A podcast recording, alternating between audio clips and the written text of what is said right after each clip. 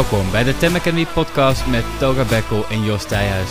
De podcast waarin Jos en Toga hun kennis, ervaringen en tips delen op het gebied van ondernemerschap, voeding en gezondheid, mindfulness, mindset en de wet van aantrekkingskracht. Togar? Noemen mensen jou eens Togarpie? Ja man, Nee, serieus? ik zweer het. Oh! Ik zweer het, ik heb die vaker gehoord. Hoe, hoe kom je daarbij? Oh, grappig. Nou, ik, ik, ik, ik denk soms dat soort dingen en het verbaast me dan ineens, oh, dit is zo'n overduidelijk. Maar gast, dit heb ik al sinds de basisschool niet gehoord. Dus hoe de fuck kom ik, je ik erop? zat hem echt in mijn hoofd een paar keer. Ik, ik heb dat soms, maar soms ben ik verbaasd dat niemand ooit die persoon zo heeft genoemd. Niet Hmm. Togepi, maar dan heb ik een andere eh, alliteratie. En in dit geval ben ik verbaasd dat het je wel zo heeft genoemd. Oké, goed begin van de podcast, Jos. ik vind het leuk om te horen. Mensen hebben je dus echt zo genoemd. Hm. Ja, ik heb wel een serieuzere vraag voor je. Oh, ik vond het een goed begin. Dat is ook een goed begin. maar ik heb een serieuze vraag voor je. Ik zat er toevallig vandaag mee eh, in de auto. Het is een eeuwenoude vraag, heel veel, vaak wordt die gesteld. Maar wat denk jij dat het verschil is tussen succesvolle mensen en onsuccesvolle mensen, laten we zo zeggen? Eh, er is niet één verschil. Hm. Dat, ehm, er, zijn, er, komt, er komt wel meer bij kijken. Anders ehm, zou die hele e-book van ons nergens op slaan als we met meerdere principes van succes aankomen. Eh, ja, nee, dus dat. Er zijn meerdere verschillen, maar is er iets waar je iets specifiek een aanleiding naar hebt? Hmm, niet echt, niet echt. Gewoon meer om eh, in het zin van dat, dat, dat je ziet dat iemand echt vooruitgang maakt, vooruitgang boekt. En de ander blijft eigenlijk. Dat bedoel ik met succesvol en onsuccesvol. Dus één volgt zijn passie en geluk en de ander die blijft nog waar die eh, eigenlijk gestart is. Nou, zoals ik zei, er zijn, er zijn meerdere dingen eh, die er eigenlijk bij komen kijken. Eh, en dan moet je ook nog eens voor jezelf definiëren wat succes is. Maar ik denk dat we over een aantal punten wel over eens kunnen zijn. En dat is vooral je passie volgen, eh, gelukkig zijn, ehm, je doelen ook met succes bereiken. Wat je doel ook is, dat je dat eh, op, het liefst zo gemakkelijk mogelijk. Want zo moeilijk hoeft het ook niet te zijn. Dan maakt het onszelf graag moeilijker. Soms denken we dan ook dat we het dan ook pas echt verdiend hebben. Ehm, maar je, stel dat je niet zo snel je doelen bereikt en dat het allemaal niet zo makkelijk gaat, dan suggereert het wel dat je iets moet doen. Dat je iets moet veranderen om wel dat stadium te bereiken. En eh, natuurlijk hebben we met succes het idee, iemand moet superrijk zijn en een huis en een miljonair, of die richting in. Dat hoeft er niet zo te zijn, maar dat is wel het klassieke beeld. En waar dan ook een beetje aan doet denken is wat je, in mijn geval tenminste, mijn ervaring, vroeger had je dat op, op films en series, dat je een aantal jeugdvrienden en één iemand was dan super succesvol geworden, in een klassieke manier, dus ook eh, financieel succesvol. En dan kreeg het, kreeg het altijd een soort verwijt van, ja, hij is veranderd en eh, we horen niks meer van hem. En dat was het. En de indruk die ik eigenlijk aan over heb gehouden van, oh, nou ja, dat, dat is natuurlijk wel jammer. Dus mocht ik ooit rijk worden, dan moet ik ervoor zorgen dat ik niet verander. Maar wat ik in de afgelopen jaren heb beseft is, eh, om bijvoorbeeld rijk te willen worden, moet je wel dingen anders gaan aanpakken. Dus moet je veranderen. ja. Ja. En dan, als je eenmaal zover bent, zou je ook niet die oude persoon nog willen zijn. En dan kom je terug op wat je net zei, van dan heb je mensen die blijkbaar blijven hangen in een oude doen en denken, wat volledig prima is, en iemand die daar een ander pad in heeft gekozen en daar ook andere resultaten mee heeft gekregen. Ja. Je krijgt dus gewoon automatisch... ja, maar dat is goed wat je zegt. Ik onderbreek je daar even. Je, je kiest een ander pad. Mhm. Dus het is vanzelfsprekend dat je ook andere resultaten mag verwacht- verwachten. Ja, het is eh, natuurlijk een definitie van krankzinnigheid als je alsmaar hetzelfde doet en elke keer een ander resultaat verwacht. Ja. Dus als je dingen in je leven hebt waar je niet blij mee bent, dan moet je dingen aanpassen in je leven zodat je ook weer andere resultaten krijgt. Juist. Ja. Nee, dat is een mooie inderdaad. Ehm, ja, wat je zegt, er zijn, er zijn meerdere dingen die, die invloed hebben op, ehm, op het succesvol zijn. Weet je, we worden, eh, wat je zegt over de klassieke films. Ik, ik, ik heb, ik, toevallig kwam er ook meteen een paar eh, op bij mij waar ik dacht van ja, dat, weet je, je ziet vaak inderdaad dat ehm, eh, iemand van de groep eh, een ander pad kiest. Mhm. En eh, die, die, die is dan ja, welvarend en die komt dan terug in de groep. Maar de groep die, die ziet hem als anders. Terwijl degene eigenlijk met dezelfde karakter terugkomt. Niet, niet per se dezelfde karakter, maar met dezelfde idee van er is niks veranderd. Maar er is degelijk wel wat veranderd. Hij is veranderd. En dat wordt vaak dan niet goed opgevat. Ja. Dit is een soort klassiek voorbeeld. Wat Ja, we dit is een klassiek herkennen voorbeeld, ja, uit, ja. uit films en Ja. series. Maar tegenwoordig in, in tv's en series en films eh, zie je juist dat ze eh, een andere draai aangeven. Ik weet niet of je het opgemerkt hebt, maar in de nieuwe films word je altijd ehm, gepusht om anders te zijn. Ik weet niet of je dat gemerkt hebt. Kun je een voorbeeld geven? Ehm, nou, laten we gewoon even een superhero film nemen, weet je. Iemand die net zijn krachten heeft ontdekt of zo. Ja. Eh, dan, dan is het eigenlijk het doel van de film dat diegene dan eh, zijn krachten ehm, eh, omarmt en er wat mee doet en, en, en actie onderneemt. In plaats van dat het... Ja, eigenlijk zijn alle films zo geweest, denk ik, maar niet, niet zo sterk als tegenwoordig. Je hebt inderdaad een enorme opkomst. Ik weet niet of het nog steeds zo is, maar zeker in de afgelopen jaren een enorme groei, eh, een hype van, van superheldenfilms. Hm. Waar filosofisch gezien ook wel over nagedacht kan worden van wat betekent dat? Waarom is er zoveel vraag naar, willen wij ons graag ook krachtig en, en eh, bijzonder voelen? Ja. En ik denk dat we dat in zekere zin ook serieus wel verlangen. Is dat niet zo omdat wij ehm, het concept van mythes kwijt zijn geraakt?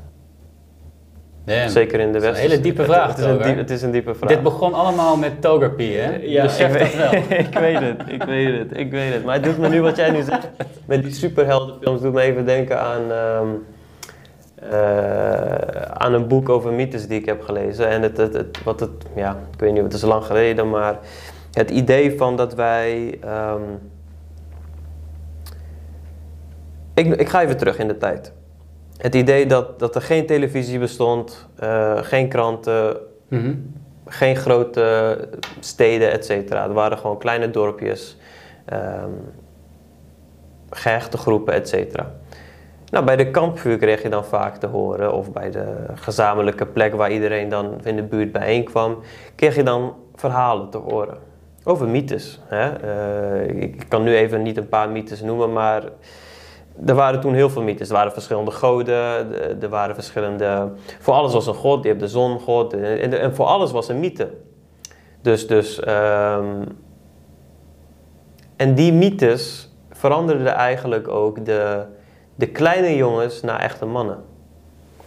Dus de mythe van eh, jagen kwam vaak voor.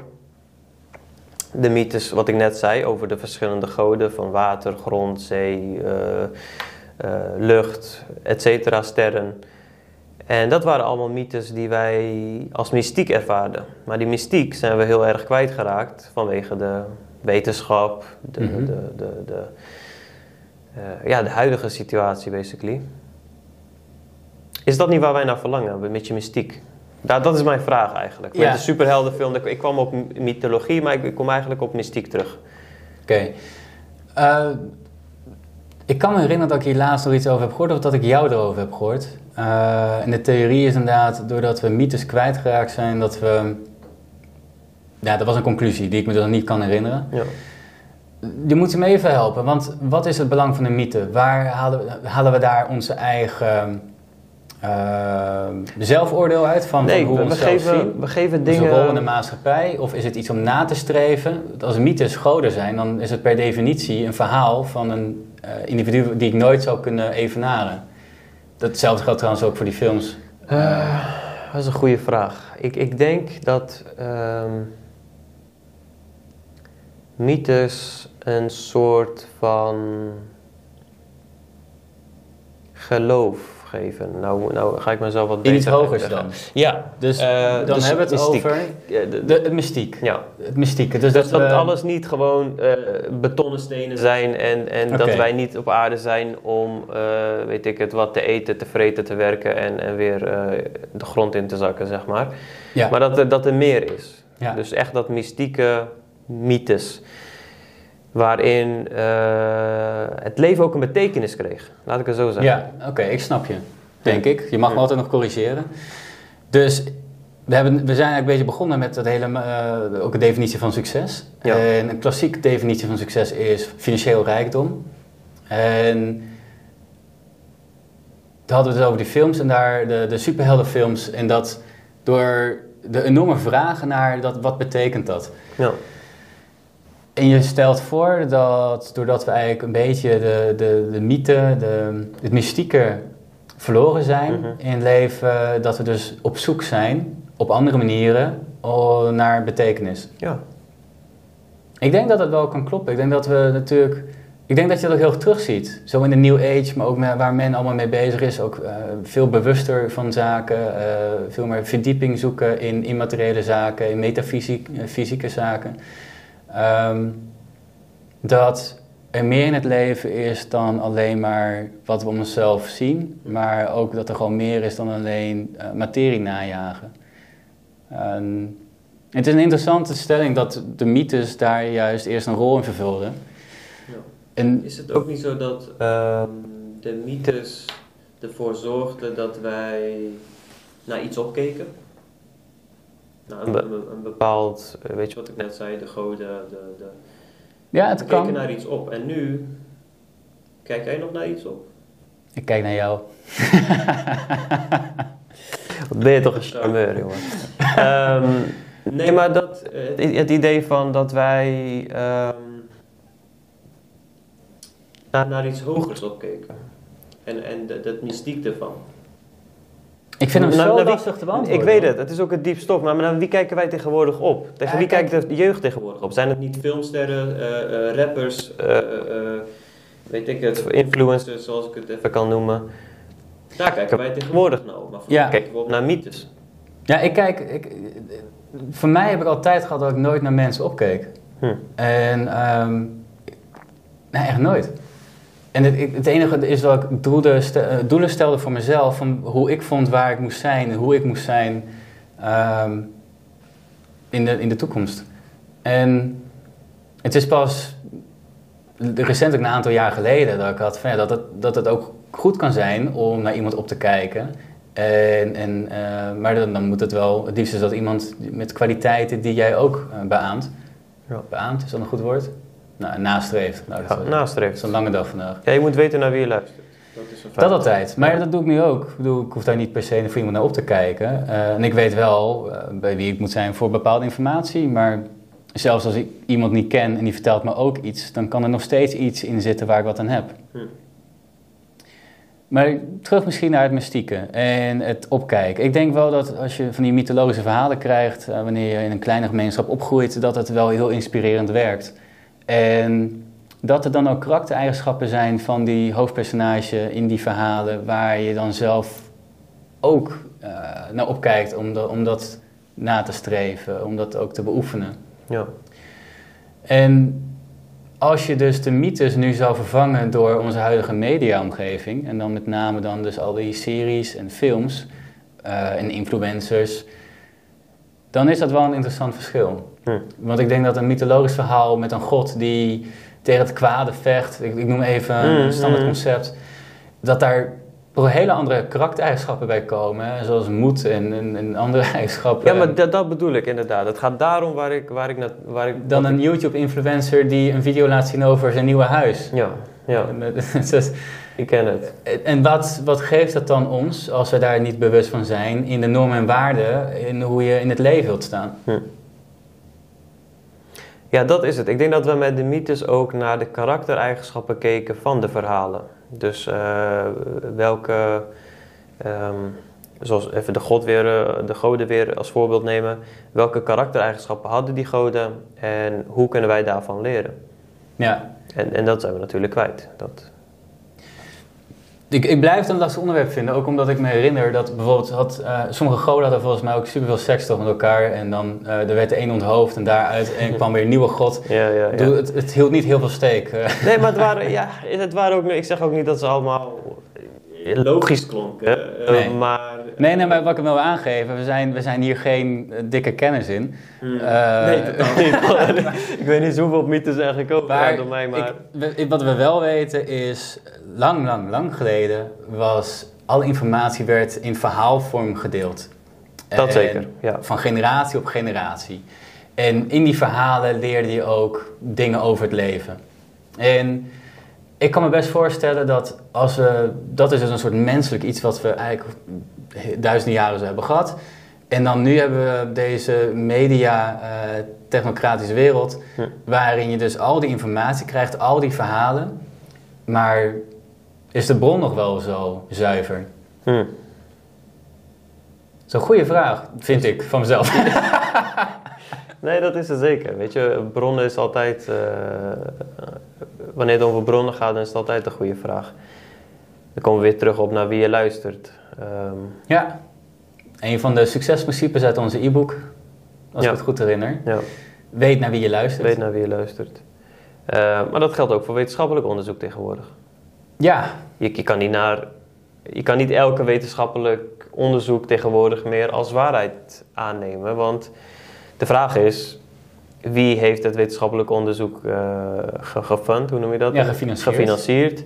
Eh, hoe is het onderzocht? Hoe is het onderzocht? Is de data misschien nog gemanipuleerd? Want dat kan ook heel makkelijk. Bewust of onbewust? Ja. Alles kan erin spelen. Ja, Eh, want als het nog op, niet eens zo lang geleden was de tabakindustrie eh, was ons aan het overtuigen door middel van reclames van dokters dat eh, roken gezond is. ja in de 30, 40, 50 jaren. Ja. Dus dat is eh, nou, voor en tijdens de Tweede Wereldoorlog.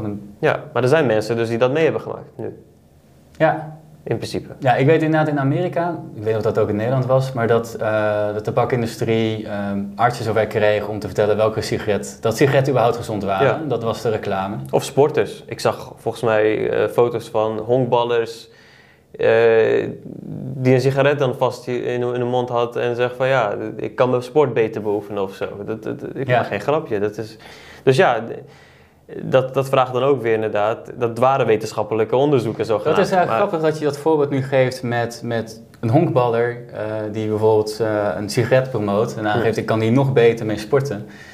Dan komen we terug op influencers. Ja. En weten dat daar ook natuurlijk een marketing, eh, bedrijven kunnen Ja. influencers inhuren om bepaalde producten te marketen. Ja. Weet je dat ik influencers haat? Ja? Echt waar. Ik zie jou niet als iemand die mensen Nou, haat. Niet hoor. Wat is haat, het nou weer niet streng haat. van Nee, nee, nee, maar je, Je kent bent- me wel. Haat is een groot woord.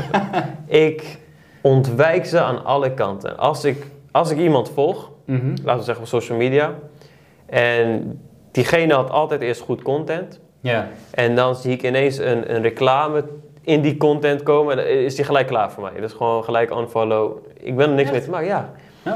Want dan voelt het alsof de content dan niet meer 100% real is. Hm. Tenzij het product wat hij promoot iets is wat hij zelf gebruikt.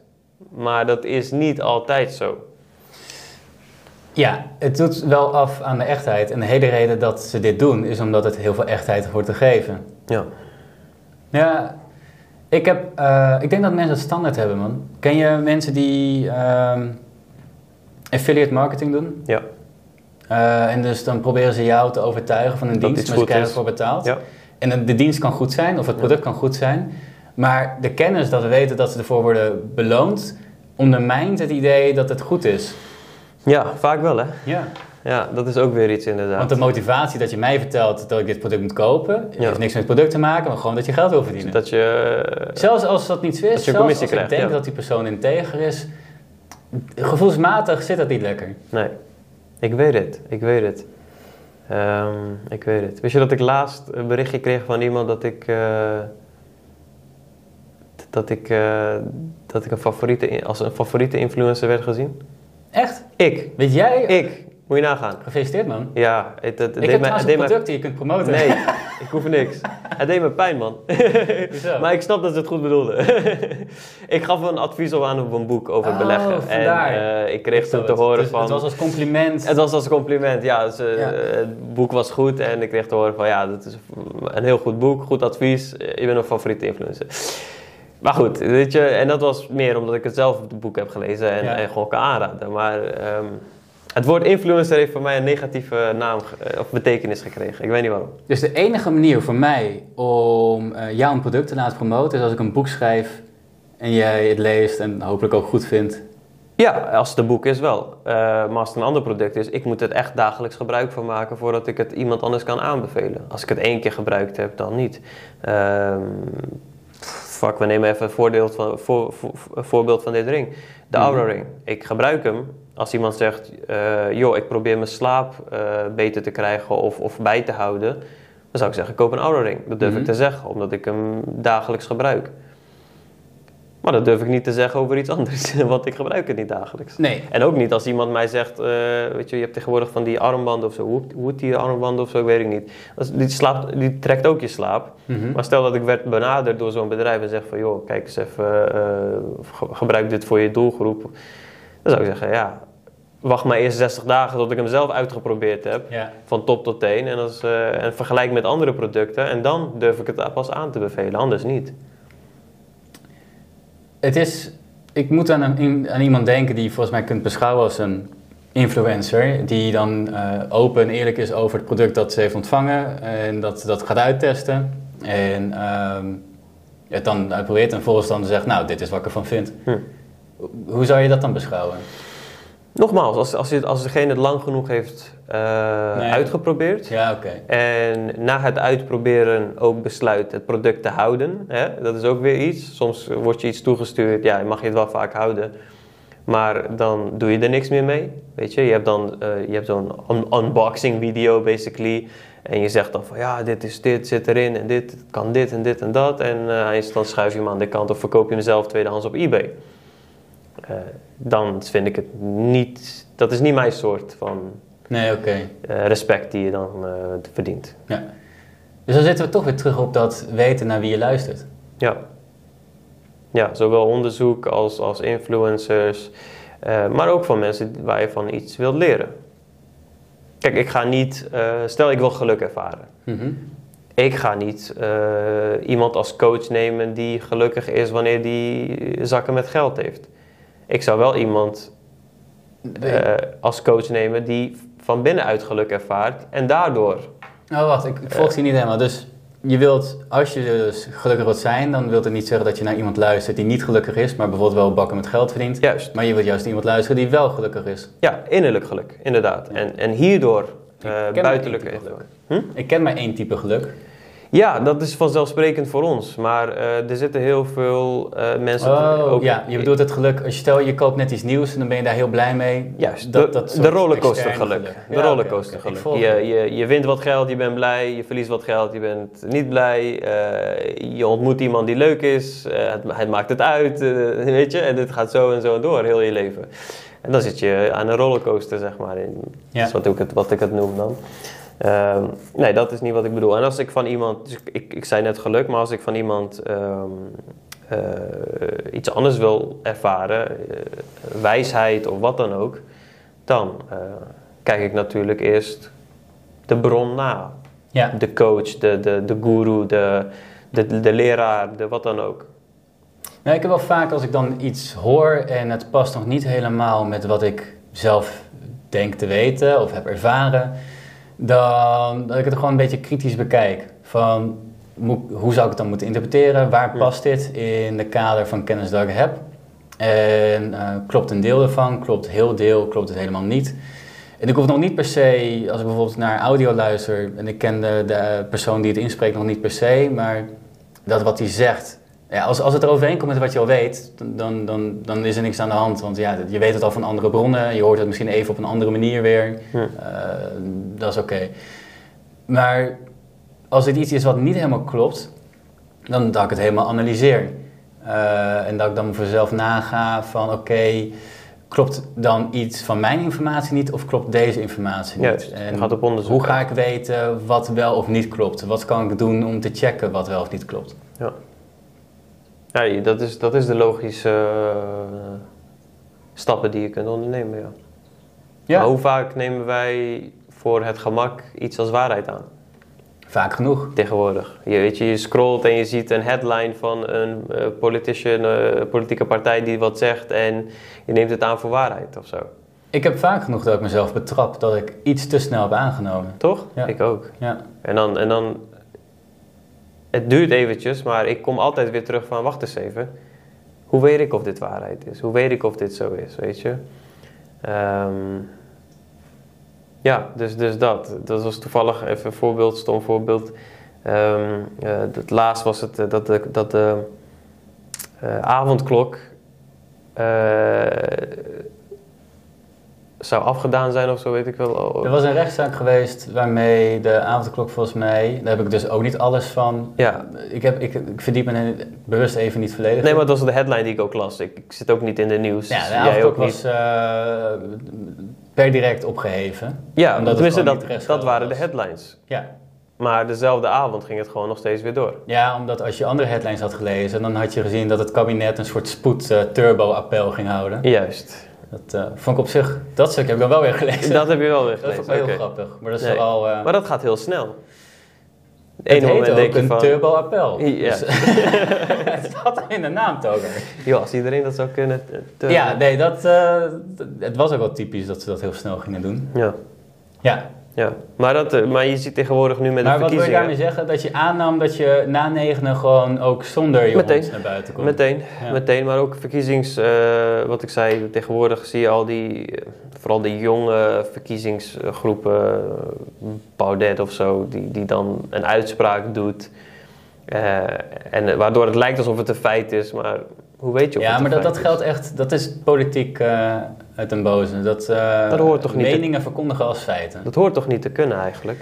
Dat is toch misleidend? Ja, in principe moeten Als- de media dat checken. De media moet eigenlijk politici scherp houden en het Ja. volk informeren wat er gebeurt. Nou, maar goed, die, op Instagram gaan ze gewoon voluit met hun meningen.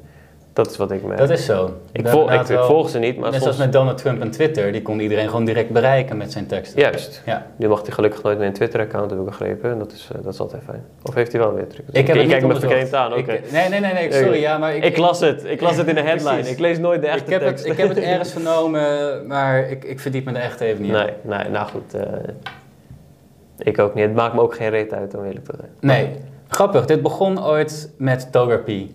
En ik had niet kunnen bedenken dat we op zo'n diep onderwerp uitkwamen. Dat zowel de mythes als ehm, ook gewoon de vraag naar wie luister je? Waar hou je kennis vandaan? Hoe ga je met kennis om? Hm. Het was weer een bijzondere podcast, denk ik. Ja, nou dat is niet aan ons om te Nee. beoordelen. maar- Maar goed, zo zie je maar weer dat wij eigenlijk on... eh, eh, Omdat? Onvoorbereid erin gaan en gewoon proberen een, een stof te verzinnen waar we over kunnen praten. Ja, We hebben dit keer geen onderwerp gekozen. kijk, wij weten dat als wij persoonlijk met elkaar in gesprek gaan, dat we uren kunnen praten en dan springt van de hak op de tak. Ja, De vraag is of anderen dat ook kunnen waarderen. juist, dat is ook een vraag inderdaad. Nee, maar eh, dat, is, dat, is, dat is een vraag die we kunnen stellen. Eh, mochten mensen geïnteresseerd zijn in een bepaald onderwerp, kunnen we daar altijd over hebben. Ja, Dat betekent niet dat we al expertise over het onderwerp hebben, maar we kunnen wel... eh, dan zie ik het net er niet van om erover te hebben. Dan zou we kun- weten. Nee, maar goed, we kunnen wat hoeken benaderen en, en, en onze meningen erover eh, kwijt. Want uiteindelijk Altijd. weten we niks. Maar ik vind mijn meningen niet zoveel waard. Ehm, jij niet, misschien een ander wel. Ik vind jouw mening wel wat waard. Dat eh, doet me deugd. Want als Maar- ik, als ik iets, iets vraag dan, eh, en ik krijg jouw mening, dan neem ik die mening mee in mijn eh, analyse en beoordeling. Ik doe wel altijd mijn best om de meningen die ik presenteer, dat ze goed onderbouwd zijn met informatie. Het is niet dat ik maar zomaar iets vind. En daarom, en daarom respecteer ik de mening. Het ligt eraan van wie je de mening krijgt. Zit dat in? Toch? Ja. Oké. Dus, weet naar wie je luistert. En dat was het voor vandaag. Ja, we hebben nog eh, een mooi riddeltje om het af te ronden. Ehm, suggesties voor ideeën, onderwerpen. Ja, laat het weten in de comments of eh, stuur een berichtje naar de Instagram-account van Tem Academy. Alles kan. En dan, eh, dan kunnen we dat bespreken. Top, bedankt voor het kijken weer en tot de volgende keer. Tot de volgende week. Vond je dit een waardevolle podcast? Dan zouden Togar en ik het zeer waarderen als je het zou willen delen. Dat kan door een screenshot te maken op je telefoon en deze te delen op Instagram of LinkedIn en ons daarin te taggen. Maar wat we nog meer zouden waarderen is als je een moment wilt nemen om een review achter te laten. Op een iPhone kan dat binnen de podcast-app. Je kunt dan een aantal sterren geven en een korte motivatie wat je van de podcast vindt. Op een Android is dat niet mogelijk, maar je kunt op Google Tem Academy opzoeken en een review achterlaten waarin je laat weten wat je van Tem Academy vindt en wat je uit de podcast hebt weten te halen. Bedankt voor het luisteren naar de Tem Academy podcast. We hopen dat je er waarde uit hebt kunnen halen en we kijken naar uit om je volgende week weer te woord te staan.